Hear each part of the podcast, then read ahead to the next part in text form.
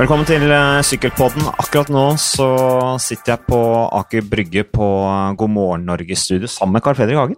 Eh, Hallo. God dag. God dag. Eh, og vi har vært sammen inne i studio her og snakket om, eh, om Spania rundt, åttendeplassen din. Og føler du at du er Norges hotteste sykkelnavn for øyeblikket, eller? Ja, det, det tror jeg ikke er opp til meg å bedømme, men det har i hvert fall vært ganske mye større pågang fra journalister og andre nå enn det det har vært før. Så ja, det er litt nytt for meg, men eh, jeg prøver å nyte det. Ja, Beskriv litt hvordan det har vært etter Spania rundt uh, i forhold til tidligere. Hvordan har du merka det? Først og fremst at det har tikket inn uh, enten henvendelser fra, fra journalister i enten uh, TV eller aviser eller type podkaster eller andre ting. Det er ikke bare du som har spurt om en podkast, men det er en tre-fire andre òg som står på vent for å, for å prate litt. Og veldig mange andre hyggelige meldinger fra både folk som jeg kjenner, og totalt helt ukjente personer òg, som har sendt SMS-er og sånn. så ja, Først og fremst er det veldig veldig hyggelig at folk eh, liker syklingen og setter pris på det. De sier at det gir motivasjon og har gitt mange fine øyeblikk, og, og det gir meg mye. Det er veldig hyggelig. Ja, For det er jo gøy med anerkjennelse. Det er det absolutt. og man skal jo, må ikke glemme at sykkel er jo underholdning, og det vi driver med er jo i underholdningsbransjen. og Hvis ikke folk liker det vi driver med, så er det heller ikke noe, noe vei videre for oss. Så, så det er klart at eh, vi lever jo at folk liker å se på det vi driver med. Og når du hører at folk faktisk gjør det, eh, og sier det til deg, det, det er noe du må ta til deg og, og faktisk eh, prøve å nyte litt. Carl Fredrik, nå, jo, eh, nå er det fem dager siden du gikk i mål i Madrid. Eh, Det var et eh, blodslitt. Jeg kommenterte jo 18 eller 17 etapper av det. Og hvordan har du rukket å restituere deg ennå? Hvordan føler du deg? Sånn rent kroppslig så mm, var jeg heldig nå. Jeg var litt redd for at jeg skulle dra på litt sykdom, men jeg slapp unna med en light forkjølelse. og og har vært på sykkelen et par ganger eh, siden jeg kom hjem og skal ut og sykle litt senere i dag. Og føler at egentlig kroppen begynner å komme seg litt uh, ovenpå igjen. Sover godt om natta og ja, føler at eh, muskulaturen eh, begynner å komme til hektene igjen. Men eh, hvordan eh, var du underveis i Spania rundt? Eh, Du snakker om sove godt om natta. Hvordan sov du der? Hvordan, hvordan var den opplevelsen? Og det varierte veldig fra hotell til hotell. Vi bytta jo hotellrom nesten hver dag, og det var litt ymse standard på sengene og aircondition og, og den type ting som påvirker søvnen litt. Og også litt i forhold til koffeininntaket du har på rittet, og når etappen er ferdig, og hvor lang transfer det er, og hvor, lang, hvor sen middag det er. Det var jo mange ganger vi hadde middag så sent som halv elleve-elleve, og innimellom kommer vi jo ikke til hotellet før klokka elleve på de lengste transfer-dagene, så det er klart at kroppen din kommer jo i en rytme som ikke du er vant med, og som påvirker søvnen, men stort sett sover jeg veldig bra, og noen netter sover jeg dårligere, men sånn jevnt over så, så kan jeg ikke klage. Men uh, hvordan uh, har, du lært? Altså, du har jo aldri det, Du er første året ditt som proff på World Tour-nivå.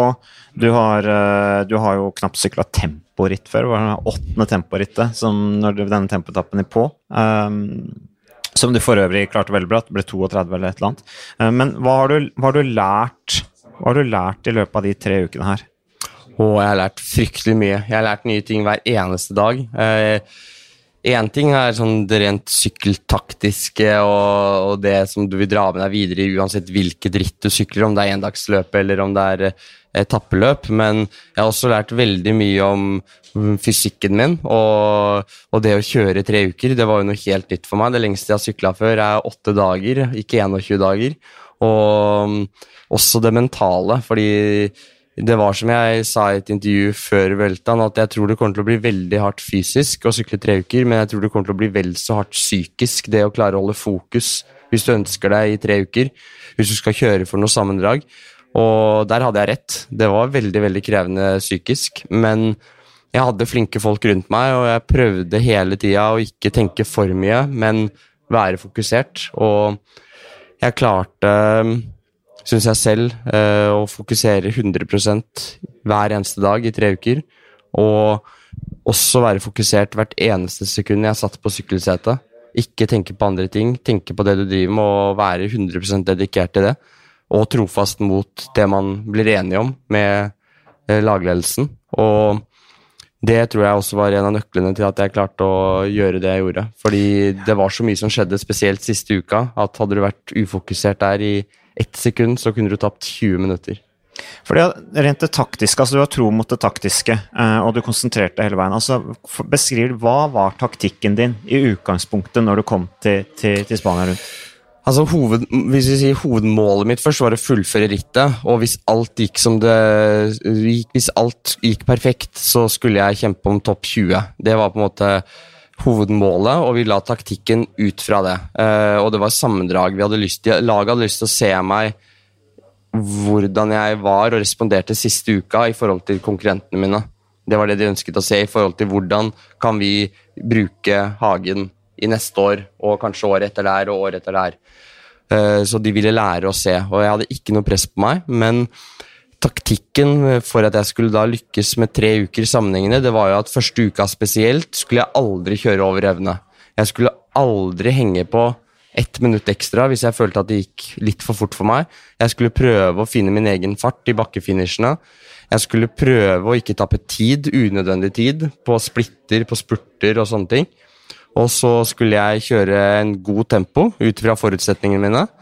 Og så skulle vi da se etter hvert utover i rittet om jeg kunne bli med f.eks. en større gruppe i et brudd for å ta inn litt tapt tid, eller være med å kjempe om en etappeseier dersom det skulle la seg gjøre. Men det er klart, sånn som det utvikla seg, så fikk jeg jo aldri gå i de store bruddene som jeg, vi hadde planlagt om at, på de etappene jeg kunne, fordi ja, så er det klart den etappen hvor jeg var i brudd sammen med Tors van de Sande, det var vel etappe syv-åtte? Ja, syv eller åtte. Ja. Eh, åtte, tror jeg det var. Var der du la grunnlaget, da? Der la jeg først, Det var der jeg klatra første gang opp topp ti i sammendraget, og ble jo der eh, resten av rittet.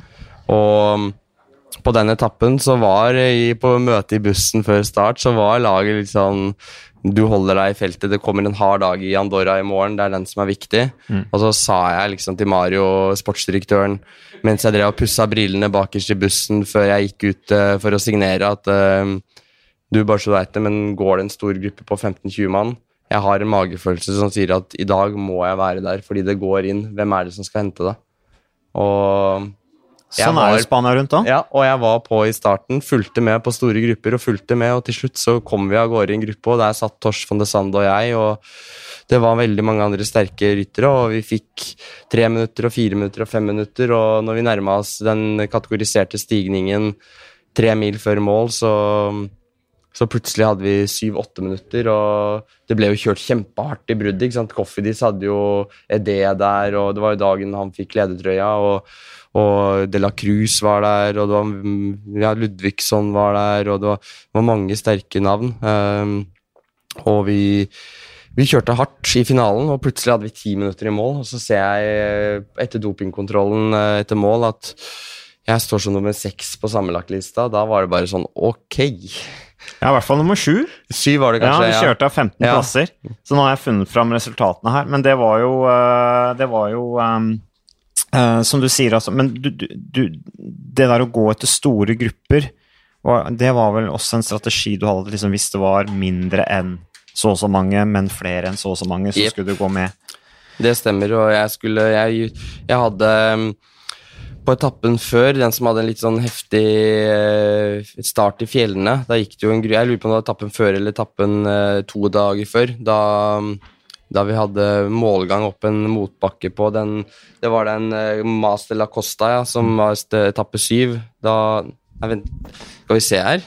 Jo, jeg bare se. Er, vi er inne på resultatlista på Spania rundt Master La Costa, syvende etappe, altså dagen før du gikk dette svære bruddet. Skal vi se Nei, vi er inne på etappe seks, mm. fordi der gikk det et brudd som var uh, på under 15 mann, og da var jeg litt uh, Jeg tror det var sånn 13 eller 14 mann i bruddet, og jeg var litt uh, litt sånn småbitter, husker jeg, etter målgangen der, fordi jeg hadde bestemt meg for at jeg skulle aldri gå i grupper på under 15 mann. Og det var jeg 100% trofast mot. Og når jeg så at det var 13-14 mann der, så gikk jeg ikke etter. Men det bruddet holdt inn. Så jeg satt der og kunne være med i bruddet, men jeg sa nei, fordi jeg var livredd for å sløse med kreftene mine. Så jeg var veldig veldig trofast mot taktikken, og så var det om å gjøre å også prøve å bruke krefter der hvor du kunne bruke krefter for å avansere. Men utover rittet så fikk jeg ikke lov til å gå i brudd. Det ble jo markert, og jeg fikk jo beskjed også av bl.a. George Bennett og flere andre at uh, sorry, Mac, du, du får ikke, vi lar deg ikke gå. Sa de det til deg? Ja. ja. De klappa meg på skulderen flere ganger, på mange etapper, og sa at uh, Hagen, du får ikke gå. Nei, den utfordringa vil du jo få i fremtiden òg, da. Altså med den åttendeplassen. Det er jo på en måte Hvis du går i brudd igjen i et etapperitt, så vil jo folk sjekke resultatene dine og si ja, det er Hagen, det var han som ble nummer åtte i Spania rundt. Vi kan ikke la de få for mye tid. Det kan jo, det kan jo bli konsekvensene av det resultatet her. Det kan hende. Eh, det vet jeg. Jeg har jo aldri vært i gamet Jeg har ikke vært i gamet så lenge, så jeg vet ikke hvordan det blir i fremtiden. Men det er klart at eh, det kan sette en begrensning for en del eh, litt av det man kaller ufarlig brudd, hvis jeg ønsker å gå for, eh, for sammenlagt f.eks. et ritt. og Da lar de jo ikke vi gå inn med 15 minutter, fordi da vet du at eh, det kan bli dumt med tanke på sammendraget. Så ja, det er sånn det er, men de de skjønte i hvert fall etter hvert at de ikke kunne la meg få for mye eller gå i brudd. og det men uh, det, det, som var litt morsomt, var at etter målgang i Madrid, eller på, på, den siste etappen i Madrid, så var det jo flere av de når var på en måte, Da var fighten over, og, og krigen var over. Uh, da var det bare paraden igjen. og da, da var det flere andre av de hjelperytterne som også kom og klappa meg på skulderen og sa de var veldig imponerte, og at jeg hadde lagd livet surt for dem ved flere anledninger. og at det ble for mye jobb, og det, det er også kult å høre, da. Det, en, eh, det ble en skikkelig krig eh, spana rundt da vi hadde denne episoden med Movistar når det var denne fæle velten. Uh, hvor, hvor bl.a. Roglic gikk ned. Det var jo helt opplagt at Movistar de plasserte seg inn i denne byen. ikke sant? Det, var, det, var, helt klart at de hadde forberedt at de skulle angripe ut av byen, sånn som jo ganske er vanlig når det er sidevind. Så de gjorde jo egentlig alt riktig, men utfordringen her var at de faktisk kjørte når dette store bruddet gikk som Det var James Knox som velta først der. Det innrømmet han jo selv også, uh, uten at han skal klandres for det. Var jo veldig Skammet seg og greier, og ekstremt ydmyk over det. James Knox slo seg jo forderva, stakkars uh, unge briten. Men hvordan opplevde du den episoden der med, med Movistar, og hvordan var stevninga i feltet den dagen? Og jeg merka egentlig helt fra start av den dagen så var det fryktelig stressende og veldig nervøs stemning i feltet. Alle visste at det ville bli eh, sidevind, og alle visste at det var åpent. Og det var på en måte den siste Kall det spurtetappen, eller siste litt lette etappen. Men det var en posisjonskamp fra start. Vi hadde vært gjennom en heftig sidevindsetappe to dager før. Og det var helt på slutten av Vueltaen, så jeg glad at folk begynte å bli slitne. Du merka at lunta til folk i feltet begynte å bli lavere. Det var stadig vekk flere som begynte å slenge gloser til hverandre hvis det var noen som mista en flaske eller snøyt nesa i motvind, og det kom litt som drapp uh, det var på ampert. Det var litt ampert, jeg skal innrømme det. Uh, uten at jeg selv fikk merke noe på, uh, på mine ting, mine reaksjoner i feltet, så, så merka jeg liksom at det var ampert, og alle visste at etter den utforkjøringen i den byen så ville det bli sidevind, og vi fikk på øret at det er en smal bru etter teknisk utforkjøring, og det regna, og det blåste. Så det, det lå ulma at her ville det skje noe. Det er litt sånn du, du har tent på Du har tatt tennvæske på kullet, og så venter du med å fyre fyrstikken, liksom. Du vet at nå vil det snart ta fyr her. Og det tok jo skikkelig fyr. Og jeg var heldig som var rett bak velten. Og fikk eh, Du kan se på TV-bildene hvis du vet hvor jeg befinner meg, så ser du at jeg snirkler meg gjennom alle syklene og alle rytterne som ligger der. Og mm, klarte å akselerere fra resten av utforkjøringen, og Thomas Marsinski, lagkameraten min, han var foran velten, og han slapp seg ned for å vente på meg. Og han fikk meg opp på første gruppa rett før vi passerte over en sånn bro over en motorvei eller hva det var. Og etter toppen der så var det rett ut til sidevinden, og da begynte Movistar. Så jeg hadde akkurat fått kontakt ti sekunder før, før Movistar begynte å kjøre. Og akkurat der og da så tenkte jeg ikke så mye om at Roglic ikke var der, og at det var liksom hva de driver med. Jeg, jeg, var bare så fokusert på at dette her må jeg være med på, vi må ikke slippe, nå, nå er det krig, liksom. Og så fikk jeg på øret da, at, uh, fra Mario, sportsdirektøren, at uh, Carl, hvis du er i første gruppa der, nå bare vær med og kjør, nå er det krig, mm. sa han. Nå er det folk overalt. Ja, for at du må være med på vifta, ikke sant? Du må Når det være er med. sånn sidevind som det der. Du er nødt til å være med, men jeg var ikke med og kjørte i front, fordi jeg klarte akkurat å pakke meg inn, fordi Movistar la seg såpass Det var vind fra venstre, og Movistar la seg såpass mye ut fra venstre at du fikk nok ly på veiskulderen ute til høyre. Eh, Men så stoppa de jo etter hvert, da, og da kom det flere og flere opp. Men hvordan var liksom stemninga akkurat når Movistar begynte å kjøre deg? Begynte folk å rope og skrike, eller var det Jeg- stille rundt deg? Jeg hørte ikke at folk ropte og skrike. Jeg tror bare folk var fryktelig sånn fokusert og veldig sånn nervøse. Så, men jeg så etter hvert at det var noen som Når de begynte å roe ned litt, så var det noen som eh, begynte å gestikulere litt med armer og begynte å prate med de i front og sånn, da. Og da skjønte jeg at ok, det er kanskje noen som ikke er så happy for dette her. Dagen etter, da? Hvordan var stemninga i feltet da? Da merka jeg egentlig ingenting. Nei. Jeg, det var litt sånn Jeg skjønte at i profesjonell sykling så blir man er man der det kan det være veldig ampert der og da, og det kan være mye reaksjoner på Twitter og noe som jeg for øvrig ikke leste underveis i rittet, men, eh, men eh, det kan være mye ting som skjer den dagen, men når du våkner opp og det er en ny etappe, da er man profesjonell, og da sykler man og tar en ny dag. Da, om man ikke glemmer det som har skjedd, så er man i hvert fall ikke så langsure eller langsinte og bitre på hverandre. Man prøver å på en måte bare kjøre ritt på profesjonell måte dagen etter igjen. Men eh, du beskriver det der med, med, med sidevind og utfordring i forhold til det at du kom deg inn på vifta, var med i vifta og sånne ting. Men jeg leste noen sitat fra Willy Smith, Katusha-rytteren fra Sør-Afrika, som sa at liksom, hvis ikke du er på de store laga, så har du ikke sjans, for at du kommer ikke inn på vifta. Da er det hierarki i feltet, og hvis ikke du er på de laga, så er du ferdig, mente han. Men du klarte å krige deg inn på vifta, og klarte deg jo bra. Hvordan Ja, opplevde du det? Jeg merker ikke, merka ikke så mye til noe sånn veldig stort hierarki. Jeg, det du merker, er at klart de tre lagene som har pallplassen sammenlagt, som var ofte Astana, Movistar og uh, Jumbo Visma, de var alltid først i feltet. Det er jo naturlig, fordi det var ofte de som hadde kontroll òg. utover det så merka jeg ikke noe sånn særlig. Jeg følte nesten at jeg fikk litt mer respekt ja, når jeg lå topp ti sammenlagt, i hvert fall på siste uka. At på en måte når jeg kom dit med hjelperytterne mine, som i hvert fall i starten og, og skulle sitte der på slutten og sånn, så var det liksom Ok, ja, du, du er åtte sammenlagt. Det, du, du skal sitte her, på en måte. Vi vet hvem du er. Eh, det virka at det ble litt mer sånn, da. Så det er klart, du må jo fighte, og det er jo ingen lag, uansett om du er på Astana, eller om du er på Jumbo, eller om du er på Katusha, så, så får du ikke noe gratisplass i feltet.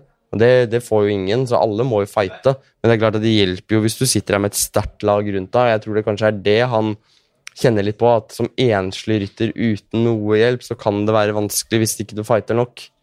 Eh, og ikke har trøkk. Men hvis du har trøkk i beina, noen lagkamerater og fighter, da skal du klare å bite deg med. Men du hadde jo også, du har jo ikke sant, sånn som Maskinski og Thomas Digent, og det er jo på en måte karer som er litt etablert, og som har litt pondus, vil jeg tro også i forhold til det der med å, å være respektert i feltet, da.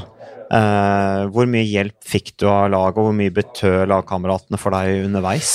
Lagkameratene mine betydde fryktelig mye, egentlig. Fordi jeg hadde først og fremst aldri forventa noe hjelp før spa. Altså, jeg hadde forventa at jeg skulle klare meg selv. Jeg var skikkelig glad for at jeg skulle få lov til å kjøre for sammendraget.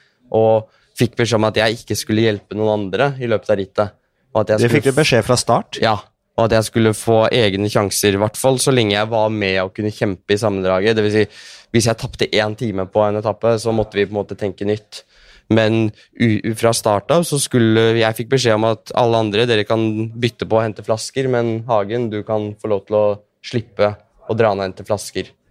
Um, og bare å få den tillitserklæringen var for meg som en seier, på en måte. Altså, det var bare noe jeg var ekstremt ydmyk til, og, og tenkte at dette her er noe jeg skal gripe. Ehm, og så etter hvert så gikk jo taktikken over til at de som ikke var i brudd, de skulle hjelpe meg så mye som mulig. Og jeg vet jo at ingen av de gutta som var med på i Vueltaen, er noen klatrere og noen hjelperytter i fjellene. Uh, og jeg må ikke tenke at jeg sitter her med et lag som Astana eller Movistar eller Jumo Visma, fordi hvis jeg hadde tenkt og forestilt meg at de gutta jeg var på lag med i Vueltaen, skulle gjøre det samme som de andre hjelperytterne gjør, det er helt urealistisk. Det er, det er ikke sånn verden fungerer. Så jeg var bare veldig, veldig glad for at de kunne være med og hjelpe meg, spesielt i første halvdel av en del etapper. Og sitte rundt meg, gi meg drikke, ta klærne mine, ta litt vind.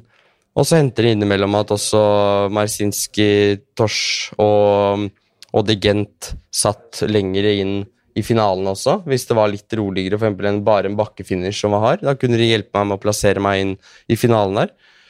Og den hjelpen jeg fikk der, var mye bedre enn ingen hjelp. Og det er klart, selvfølgelig, jeg kunne hatt enda bedre hjelp hvis jeg hadde hatt et annet lag, men hvem hadde forutsett at jeg skulle trenge hjelp for å bli nummer åtte i Vueltaen eller bedre? Det er ingen som hadde tenkt det. Men altså, var du enig i det når du kom til Spania rundt? Var du enig i liksom det utgangspunktet at du skulle kjøre for se hvor langt du kom, kunne komme i sammendraget? Eller var du liksom sånn ikke, Du tenkte ikke at det var for ambisiøst, eller at liksom, er det ikke bedre å heller velge noen enkeltetapper og gå for et godt uh, etapperesultat? Mm, egentlig ikke. Jeg var veldig enig uh, i uh, det, fordi dette begynte vi å prate om allerede i Livigno i juli, når jeg var på høydesamling. Da hadde jeg og Mario, som også var sportsdirektør både i Livigno og i Vueltaen, uh, vi hadde en prat, eller flere prater, hvor han begynte å lufte sine ideer om Vueltaen og taktikken til laget ut ifra hvilke ryttere vi hadde. Mm. Og han sa at vi har veldig mange ryttere som kan være bruddryttere og, og kjempe om seier fra brudd. Og, og han hadde også spesielt troa på uh, at jeg og Bjørg kunne utfylle hverandre mye. Og planen var at Bjørg skulle kjøre, som, kjøre for et enkeltetapper og prøve å vinne enkeltetapper ved at jeg skulle hjelpe han helt til siste spurt, på en måte. At jeg kunne kjøre et slags opptrekk for han i noen bakker. Og så skulle jeg prøve å kjøre sammendrag uh, for å se hvor langt jeg kan gå. Og da sa vi at Sammendrag betyr ikke at du skal kjøre topp ti. Sammendrag betyr at vi skal se hvordan kroppen din responderer over tre uker uten at du kjører gruppetto noen dager.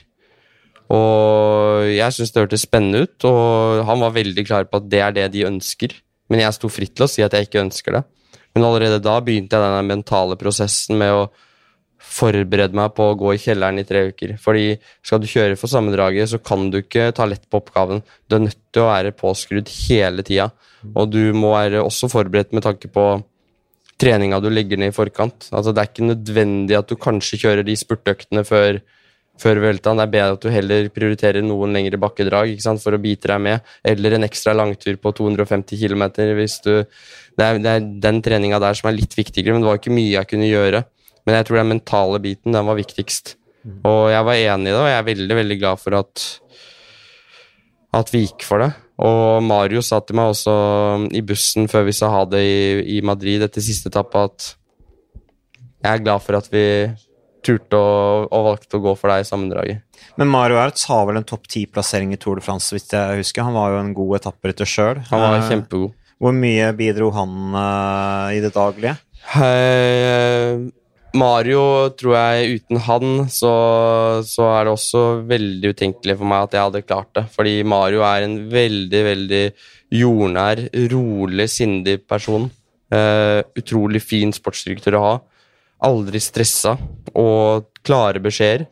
Uh, men han har også vært rytter og har litt det også i hodet at han husker jo litt hvordan det var å være rytter, så det er ikke alltid bare å spille som å spille PlayStation, at du kan trykke på knapper og vips, og gjør rytterne det du sier. Så Og også rutinen han har, og alle de tipsene jeg fikk, f.eks. det om å ikke kjøre seg i senk for tidlig, finne din egen fart. Det er ikke farlig å tape to-tre minutter her og der, så lenge du unngår å gå på en kjempesmell og tape 25-30 minutter. Det er da du virkelig taper plasseringer. Og den mentaliteten der, den GC-mentaliteten, som jeg ikke har vært i nærheten av å tenke på før. fordi sånn som kjører du for sammendraget Tour of Norway eller Arctic Race eller Tour Alsace eller hvor nå enn du kjører, så er det da, da, står det om sekunder. Og da er du nødt til å på en måte Du er alltid nødt til å bite deg fast og kjøre deg fullstendig i senk og kjøre over evne, og så er det jo bare fem-seks dager, så er det over. Men tre uker, det er lenge. Mm. Det passer deg jo opplevd veldig bra, men nå, hva, nå, er det jo Hva er veien videre nå? For nå har du jo Altså, målet ditt var liksom å gå, se hvor langt du kunne komme i en Grand Tour. Uh, se hvordan du responderte på siste uka. Uh, du, du, du, som du sier, du var på Du, du gjorde jo alt Alt fungerte jo veldig bra. Det var på en måte full klaff din første Grand Tour. Hva nå er veien videre? Hva tenker du om f.eks. neste år og de neste årene eh, i forhold til satsing på, på type ritt? da? Jeg har ikke rukket å tenke så veldig mye på akkurat det ennå, i detalj, men det er noe vi må sette oss ned eh, både med treneren min og laget med sportsdirektør og sportslig ledelse om hva som vi skal satse på først neste år, og så tenke frem i tid òg. Jeg kommer til å si til de å være, komme med innspill på at det er viktig at vi tenker neste år, ikke bare mm, bare som neste år. Vi må tenke på neste år som en bit av et puslespill som skal legges også for år to og tre og fire år fremme i tid. Vi må, vi må tenke langsiktig. Og det er klart, når jeg ser nå at åttendeplass i Vueltaen var mulig, så Og jeg føler fortsatt at jeg har så mye inne, både hva gjelder kapasitet og, og og det mentale, ikke sant, og, og hva du Taktikk og spillet i proffverden. Det som har alt vært nytt for meg. Der har jeg lært veldig mye og fortsatt mye å gå på. Men også det med å trene mer spesifikt ikke sant, på temposykkelen og teste mer posisjon der. og få inn tempotrening mer i det daglige arbeidet. Der er masse, mange minutter å hente. Jeg ble jo kjørt av på lagtempoen etter åtte kilometer. Og, Ja, for det var en forferdelig og mis- start på- mista jo. Ja, men det var akkurat som forventa. Så jeg, Ja, tapte bare et minutt, da, men- jeg var ikke akkurat veldig dypt nede der. Jeg sa at det var akkurat som jeg hadde forventa. Jeg har ikke trent lagtempo, og de her eh, føringene på 550 watt og så spurte inn på hjul, de dreper meg i den posisjonen. Så det var som jeg hadde forventa.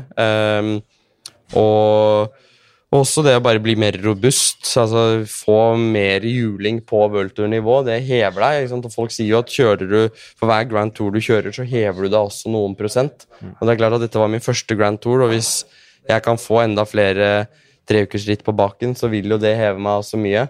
Men Ja, For du blir jo vant til å sitte og lide, du blir vant til det. Er og det er en øvelsessak. Ja, det er det. Det er en veldig spesifikk øvelsessak, så men, eh, men mål i fremtiden, det er klart Jeg ønsker å være med og kjempe om enda bedre sammenlagtplasseringer enn det jeg har gjort i Spania. Og jeg tror også det er fullt mulig, både i, i Spania, men også i Giron og, og i Tour de France. Um, og så har jeg jo selvfølgelig lyst til å vinne ritt. Altså, jeg har jo lyst til å vinne fjelletapper. Og jeg har lyst til å være med og kjempe om, om sammenlagt seier i etappeløp òg. Enten om det er én en ukes ritt eller om det er tre ukes ritt på sikt. Eh, og da snakker vi ikke om neste år, da snakker vi mange år frem i tid, hvis ting går riktig vei. Eh, men så har vi også noe neste år som jeg kanskje ikke vil oppleve eh, i karrieren min noe mer enn neste år, og det er et OL. Og jeg må innrømme at jeg har veldig veldig lyst til å kjøre OL i Tokyo. Og være godt forberedt i det, og ha en mulighet til å kjempe om en bra plassering. Da passer jo det dårlig med Tour de France. Bare sånn i mitt hode nå. Det er mange som eh, Det er litt delte meninger om det. Noen sier at det passer dårlig, andre sier at eh, det kan passe veldig bra. Eh, Men nå vet jeg jo ikke om, om uh, hvilket år jeg skal kjøre Tour de France, om det blir neste år eller om det blir om to år eller tre år. Det, det tenker jeg ikke egentlig så mye på. Egentlig er det noe jeg ikke er så stressa over heller, fordi det er ikke viktig for meg å kjøre Tour de France så fort som overhodet mulig. Jeg har veldig lyst til å kjøre det, men når det blir, det det må vi finne ut av hva som er best for meg. Og jeg er bare superfornøyd med de løpene jeg får kjøre.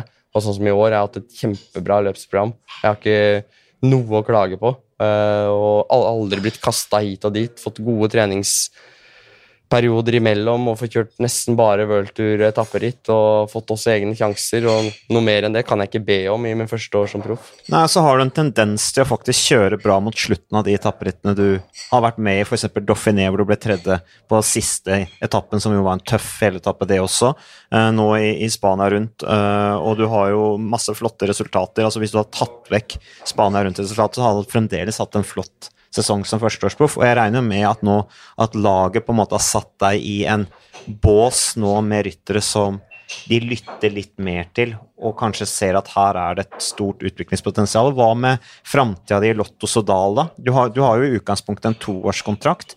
Blir den forlenga nå på bakgrunn av Spania rundt? Det er vanskelig å si, men, øh, og det vet jeg ikke helt ennå, hva vi blir enige om. Men jeg skal ikke legge skjul på at jeg trives veldig godt i laget. Både med rytterne, men også med støtteapparatet. Alle sammen. Mekanikere, sangjører, sportsdirektører, eh, general manager. Eh, jeg føler jeg har et veldig godt forhold til alle. Det er en veldig fin gjeng. Og jeg føler også meg veldig godt tatt imot og respektert i laget også, i form av at de, de, de behandler meg for den personen jeg er. Altså, og jeg føler at vi har en veldig god dialog og en god tone. Så det er klart at eh, hvis jeg får muligheten og ting legges til rette ut ifra hva jeg og treneren min og, og manageren min mener er bra for fremtiden min, så ser jeg ikke noen grunn til at jeg skal forlate laget. Men eh, vi får se om det blir en avklaring på det nå i år, eller om det blir neste år, men ja, jeg, For verdien på deg har jo gått opp etter dette her. Folk sier så. Det er ikke noe som jeg har tenkt så veldig mye på, men uh, det er klart det blir jo vel lagt merke til at man kjører topp ti i en uh, Grand Tour. Men uh, videre nå, Carl Fredrik. nå er det jo, når reiser du til Yorkshire, forresten? Dra på, vi drar på onsdag fra, fra Oslo. Det er noe du ser fram til? det blir veldig gøy. Det er stas å få representere Norge. Og når jeg fikk eh, telefon fra Hans eh, om at eh, mens jeg var i Vueltaen, at jeg skulle eh, få lov til å kjøre i Yorkshire og representere Norge, så, så ble jeg stolt. Og jeg sa, sa til Hampa at uh, tusen takk for tilliten. Og jeg ønsker jo selvfølgelig å gjøre en så god som overhodet mulig jobb for laget. Og jeg stiller der helt uten egne resultatambisjoner, men jeg stiller der med egne prestasjonsambisjoner, og at jeg skal prestere så godt som overhodet mulig for å hjelpe laget. Og vi har, jo, vi har jo ryttere som kan være med å kjempe om seieren, og det er en stor motivasjon for å grave dypt i, i hjelperytterrollen. Og, hvem, og hvem mener du kan være med å kjempe om seieren der? Altså, jeg har det jo selv i mitt hode, liksom, men hvem Det er jo snakka om at vi har to potensielle kandidater for å kjempe, og det er uh, Alexander Kristoff og Edvald Boasson Hagen. Uh, som på en måte er de det snakkes om skal være kapteiner. Om det blir begge eller om det blir én av de, det er, er, heldigvis ikke opp til meg å skulle vurdere. Det får uh, Stig, som blir landslagssjef, uh, ta seg av. Hva med Amund Grønn Alliansen? Burde ikke han også ha en ganske sånn tydelig jokerrolle med tanke på den måten han har sykla på, jo. den eksplosive avslutningen, ikke minst også hvis han er sammen med f.eks. Alexander Kristoff i finalen i forhold til et opptrekk? Da. Helt klart. Eh, Amund har vist eh, ekstrem styrke egentlig gjennom hele sesongen. og Avslutningsegenskapene hans og i tillegg til kapasiteten hans og sykkelhodet han har, er jo vanvittig. Så um, Amund kan bli et veldig viktig kort i slutten, og, og jeg tror nok uh, tror nok han, han, blir, ja, han blir viktig å ha i slutten der. Men hva ser du for at din, hvordan ser du din rolle? Hva tenker du at kommer en måte bli arbeidsoppgavene dine der? Det er vanskelig å si hva de tenker jeg skal brukes til, men jeg håper jo at uh, jeg kan bli brukt til uh, til eh, en jobbstype, enten eh, tette noen luker til noen store Eller hvis det begynner å bli angrep i finalen. Jeg håper at jeg kan bli brukt sent i rittet. Jeg håper at jeg ikke blir brukt altfor tidlig, fordi min styrke er ofte når det begynner å dra seg til og folk begynner å bli slitne, og det er Ja, for du er jo seig som bare ja, òg. Når det er hardt over tid. Det er det jeg er best på. Så, så jeg håper jeg er ikke den mest eksplosive typen, men når det er seigt over tid, og gjerne litt sånn knekkere og hardt og hit og dit, og det å jobbe over lang, lang tid, og da du har sykla 200 km, det, det er et område som jeg føler meg sterk på. Du er jo god til å plassere deg òg. Det viste du i Spania rundt. Eh, på tekniske finaler med samla felt var du, satt du langt, satt du bra plassert ofte. Ikke minst i sidevind der. Du kan jo det gamet der du nå. Begynner å lære i hvert fall ting bedre. Jeg er fortsatt langt ifra utlært, men men uh, jeg tror at uh, jeg kan gjøre en bra jobb i, i, finalen der på altså Ikke om det er siste runde, men i hvert fall før det virkelig blir lagd en gruppe som skal kjempe om seieren. Så, så kan jeg være der og hjelpe. Og du har staka?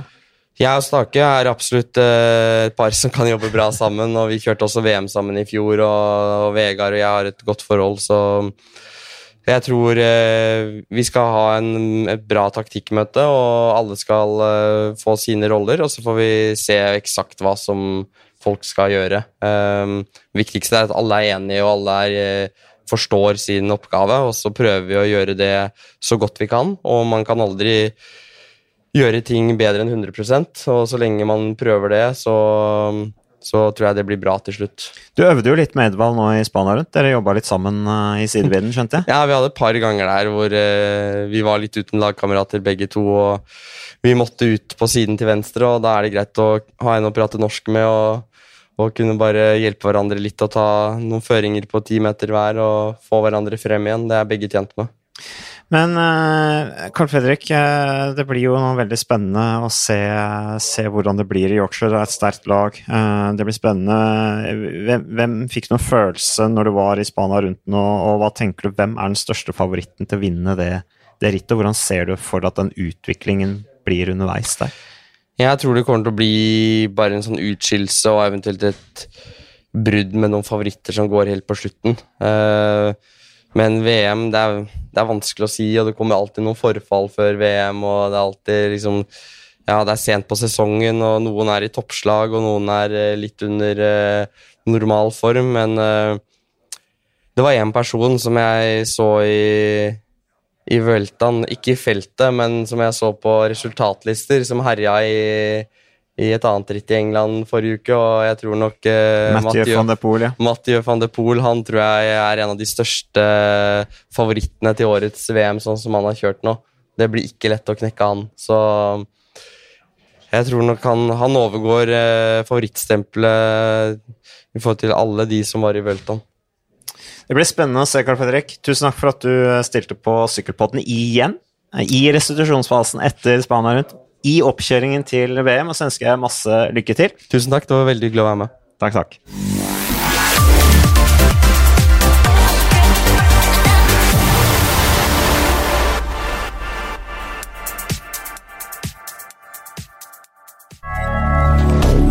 Moderne media.